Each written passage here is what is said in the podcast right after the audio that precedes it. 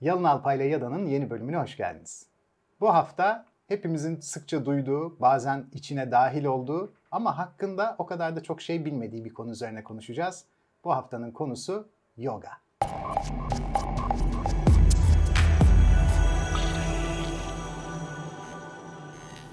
Konuğum bir hekim fakat aynı zamanda bir yogi. Dolayısıyla sizin de burada daha nitelikli bilgi edinme şansınız yüksek. Bugünkü konuğum hekim Ecem Orak. Ecem hoş geldin. Merhabalar, hoş bulduk. Nasılsın? İyiyim. Sen nasılsın? Ben de çok iyiyim. Sen bir devlet hastanesinde acil hekimisin. Evet. Ee, ama aynı zamanda yogilik yapıyorsun. Hem de uzun zamandır. evet. Sen de bizim bir deneyimimiz de var. Üstelik Kısa çok memnun kaldım. Evet. Yani kısa sürdü ama ben çok memnun kaldım. Hakikaten benim yoğunluğum yüzünden devam edemedik. Hadi Ama hem seni kişisel olarak tanımak hem de o yoganın nimetlerinden yararlanmak çok zevkliydi. Şimdi Teşekkür bakalım ederim. birazcık kamusallaşacağız. Peki Ecem, şimdi senden tabii daha nitelikli bilgi alacağımıza eminiz. Ben de biliyorsun özellikle hekim olmanı eee, kendim için daha uygun bulmuştum. İşte bir bel fıtığı yüzünden evet. hatırlıyorsun konuşmuştuk. Peki sence, önce şöyle başlayalım. Sence bu işin bir felsefesi gerçekten var mı yoksa bu fiziksel bir egzersiz mi? Yoga nasıl başlıyor? Aslında bayağı eskilere dayanıyor. Hı hı. Hatta e, bu 5. yüzyılda Patanjali diye bir adam var Hindistan topraklarında Hı hı. yaşayan. O eski böyle e, meditatif gelenekleri derliyor ve tüm bu fiziksel, ruhsal uygulamaları alıp bir kitap oluşturuyor. Yoga Sutralar kitabı. Hmm. İnsanlar e, o tarihte bu kitabı böyle zihinlerini berraklaştırmak, e, o hani öze birlik bilincine, nirvana'ya ulaşmak için Hı hı. kullanırken sonrasında bu birikimsel olarak ilerliyor. Bir sürü bununla ilgili okullar açılıyor. Şu anda postmodern insan bunu günümüzde e, sağlıklı yaşamak için, yaşam kalitesini arttırmak için ya da çeşitli hastalıklarda modern tıp sistemine tamamlayıcı olarak da e, kullanabiliyor. Hmm. Antik öğeler bizim hayatımıza sıkça girmeye başladı. Tabii bunu da Evet. bilmiyorum. Yani gerçekten antik öğe olmasının pazarlanabilirliğinde mi bir e, avantaj var yoksa gerçekten böyle bir öğreti daha nitelikli mi? Çünkü anladığım kadarıyla senin ilk söylediğinden bir toparlayıcı kitap yazdığına göre onun da eski bir Tabii, geçmişi var Evet, anlaşılan. 5. yüzyılda sadece bir kitaba dönüşüyor ama Aynen öyle. daha da eski bir gelenekleri öğreti. derli. Peki sence günümüzde böyle antik bir öğreti nasıl olur da popüler hale geliyor? Yani e, şöyle dediğim gibi bununla ilgili kontrollü çalışmalar yapılıyor yıllardır. Kardiyovasküler sistem üzerine etkisi araştırılmış, solunum yolları üzerine etkisi araştırılmış. E, onun dışında işte eklem kas rahatsızlıkları olanlar yoga terapi başlığı altında e, yoga ile ilgileniyor. Bazı kesimde sadece meditasyon yapıyor. Çeşitli faydaları var mı? Var. Mesela 2019 yılında Hong Kong'da bir çalışma yapılıyor. Ee, Burada bir nöroloji ve rehabilitasyon kliniğinde 138 tane hastayı alıyorlar, iki gruba bölüyorlar. Ee, Bu hastaların bir gruba e, haftada 3 gün, 1,5 saatlik bir yoga terapi yani yoga pratiği yapıyorlar uzman yoga eğitmenleri eşliğinde. Diğer gruba da sadece esneme ve direnç egzersizleri yapıyorlar fizyoterapistler eşliğinde. Sonra çeşitli parametreleri değerlendiriyorlar. Bu değerlendirdikleri parametre içinde işte fiziksel performansları, psikolojik durumları, onun dışında uyku ve yaşam kaliteleri gibi ölçütleri değerlendiriyorlar. Sonuçlarına baktığımızda çalışmanın o yoga yapan grupla esneme ve direnç pratiği yapan e, grup arasında fiziksel performans açısından aslında çok anlamlı bir fark yok. E, ama psikolojik açıdan hani kaygı ve an- anksiyete, depresyon düzeylerinde anlamlı ölçüde bir azalma görülüyor yoga İlginç. yapan grupta. E, aynı zamanda uyku kalitelerinde, yaşam kalitelerinde de diğer gruba göre anlamlı ölçüde bir fazla olduğu görülüyor. Bu şekilde birçok çalışma var aslında. Mental etkiyi neye bağlı olarak iyileştiriyor? Yani aslında yoganın e, basamaklarına baktığımızda nefes basamağı var. Yani doğru ölçülü, kontrollü nefes alıp vererek zihni sakinleştiriyoruz, berraklaştırıyoruz bir yerde Hı ve konsantre olmayı sağlıyoruz. E, beyin sürekli hani şu anda modern yaşamımızda sürekli bir yerden girdi geliyor, bir bildirim geliyor, bir Ah, bilmez miyim? yerlere Evet. koşturuyorsunuz. işte zihin ne oluyor? Dağılıyor. Ee, böylelikle zihin dağılınca daha kaygılı, stresli bireyler oluyoruz. Aslında ana odak burada odaklanmaktan geçiyor. Yani hem meditasyon pratiklerinde gerçekten tek bir şeye odaklanıyoruz. Asana dediğimiz fiziksel egzersiz kısmında da yaptığımız hareketlere odaklanıyoruz. Belki e, Hmm. görmüşsünüzdür. Ben şu ana kadar Ecem şöyle gibi anladım Hı. yani. Fiziksel bir durumdan, bir hareket bütünlüğünden ya da dizisinden bahsediyoruz. Hı. Ama aynı zamanda bir zihinsel bir faaliyet de var. Zihinsel faaliyetin tam ne olduğunu anlamadım hala.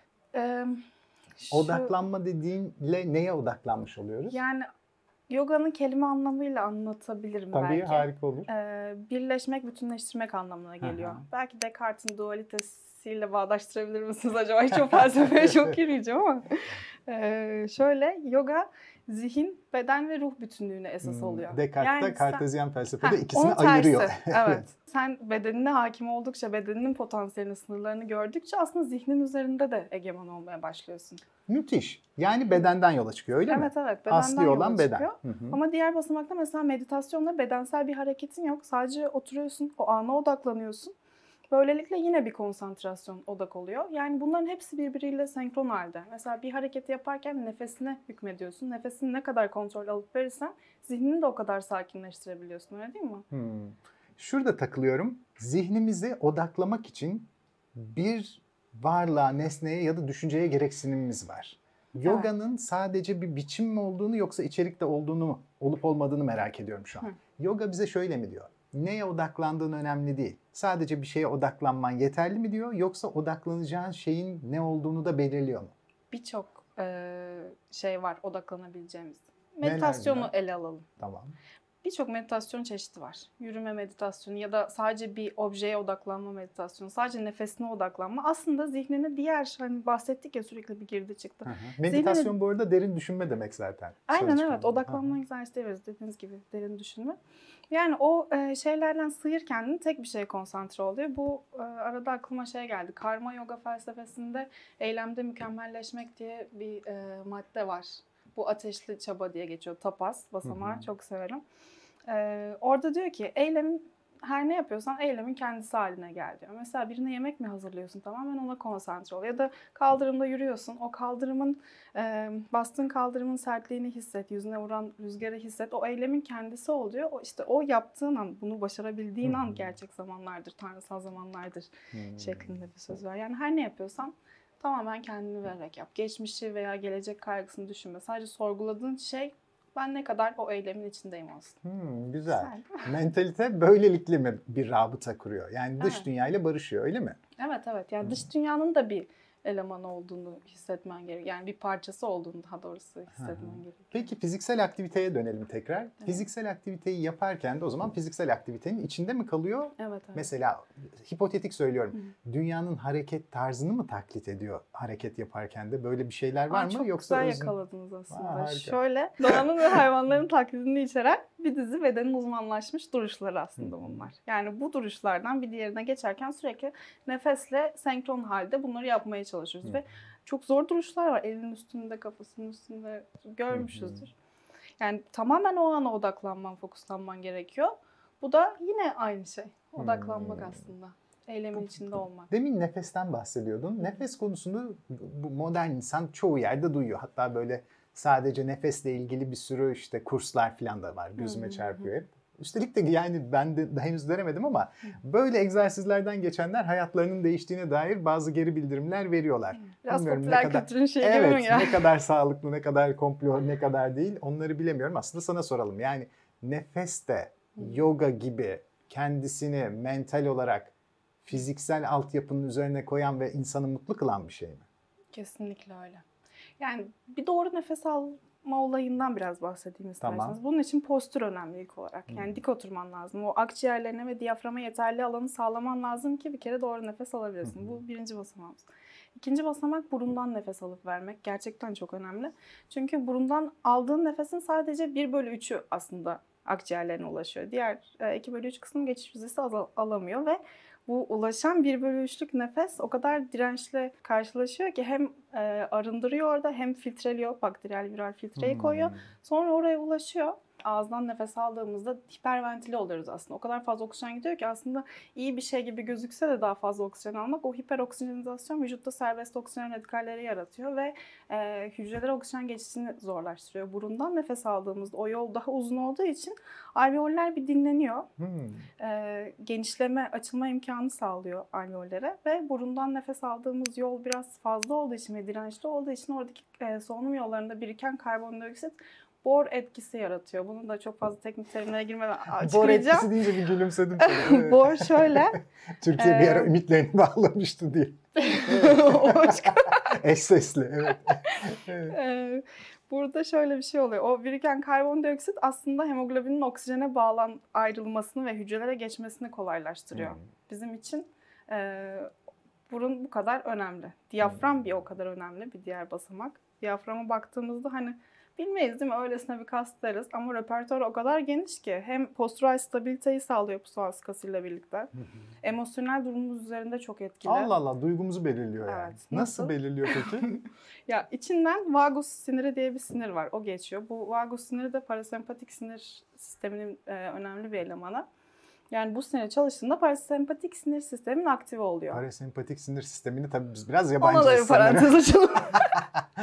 Sempatinin tam tersi aslında. Vücut işte rahatlıyor, nabzın düşüyor, tansiyon düşüyor. Vücuttaki onarım mekanizmaları devreye giriyor işte.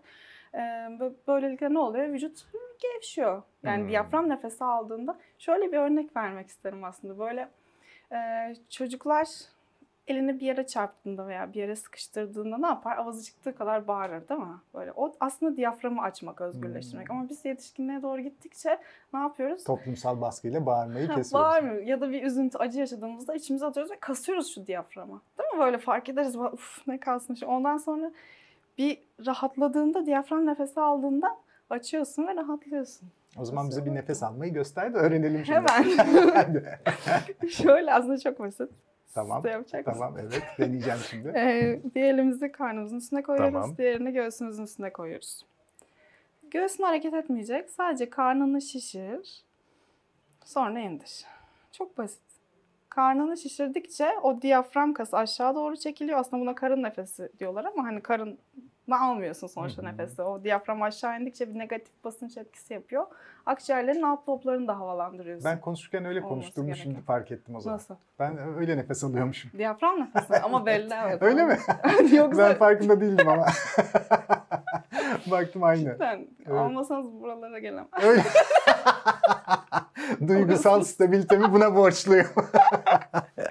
Peki gerçekten e, böyle bir etkisi var mı? Hekim olarak, hekim olarak soruyorum. Yogi Ha. olarak değil. Gerçekten duygusal dünyamız üzerinde bu nefesin bir etkisi var mı? Gerçekten etkili. Tamam. Demin anlattığın o sinirsel sistem dolayısıyla O da var. Onun dışında mesela torasik alanını açmış oluyorsun. Kalbe venöz dönüşünü iyileştiriyorsun. Yani o e, karın organlarına mesa- masaj yapıyor. Vakum etkisiyle lenfatik sistemine iyi geliyor. Hatta diyafram e, omuz ve boyun ağrılarıyla ilgili bayağı e, önemli bir rolde. Peki Ecem bir sorum var sana. Türk insanının kemikli burnu yüzünden öyle sanıyorum ki burun nefesi almakta bayağı zorlandığı bir durumla karşı karşıyayız. Evet. Hatta şu küçük burun açmak için kullanılan minik tüplerin satışından da anlayabiliyoruz onu. Benim neredeyse tanıdığım bütün çevremde o minik buruna sokulan evet, tüplerden var. Hatta anladığım kadarıyla bağımlılık da yapıyor yani. evet çok fazla kullanmak Ee. Evet bağımlılık da yapıyor. Peki bu burun tıkanıklıkları neden ileri geliyor? Onlar modern insana özgü bir şey mi? Eğer ki gerçekten ciddi mekanik problemlerin varsa ameliyat olmalısın.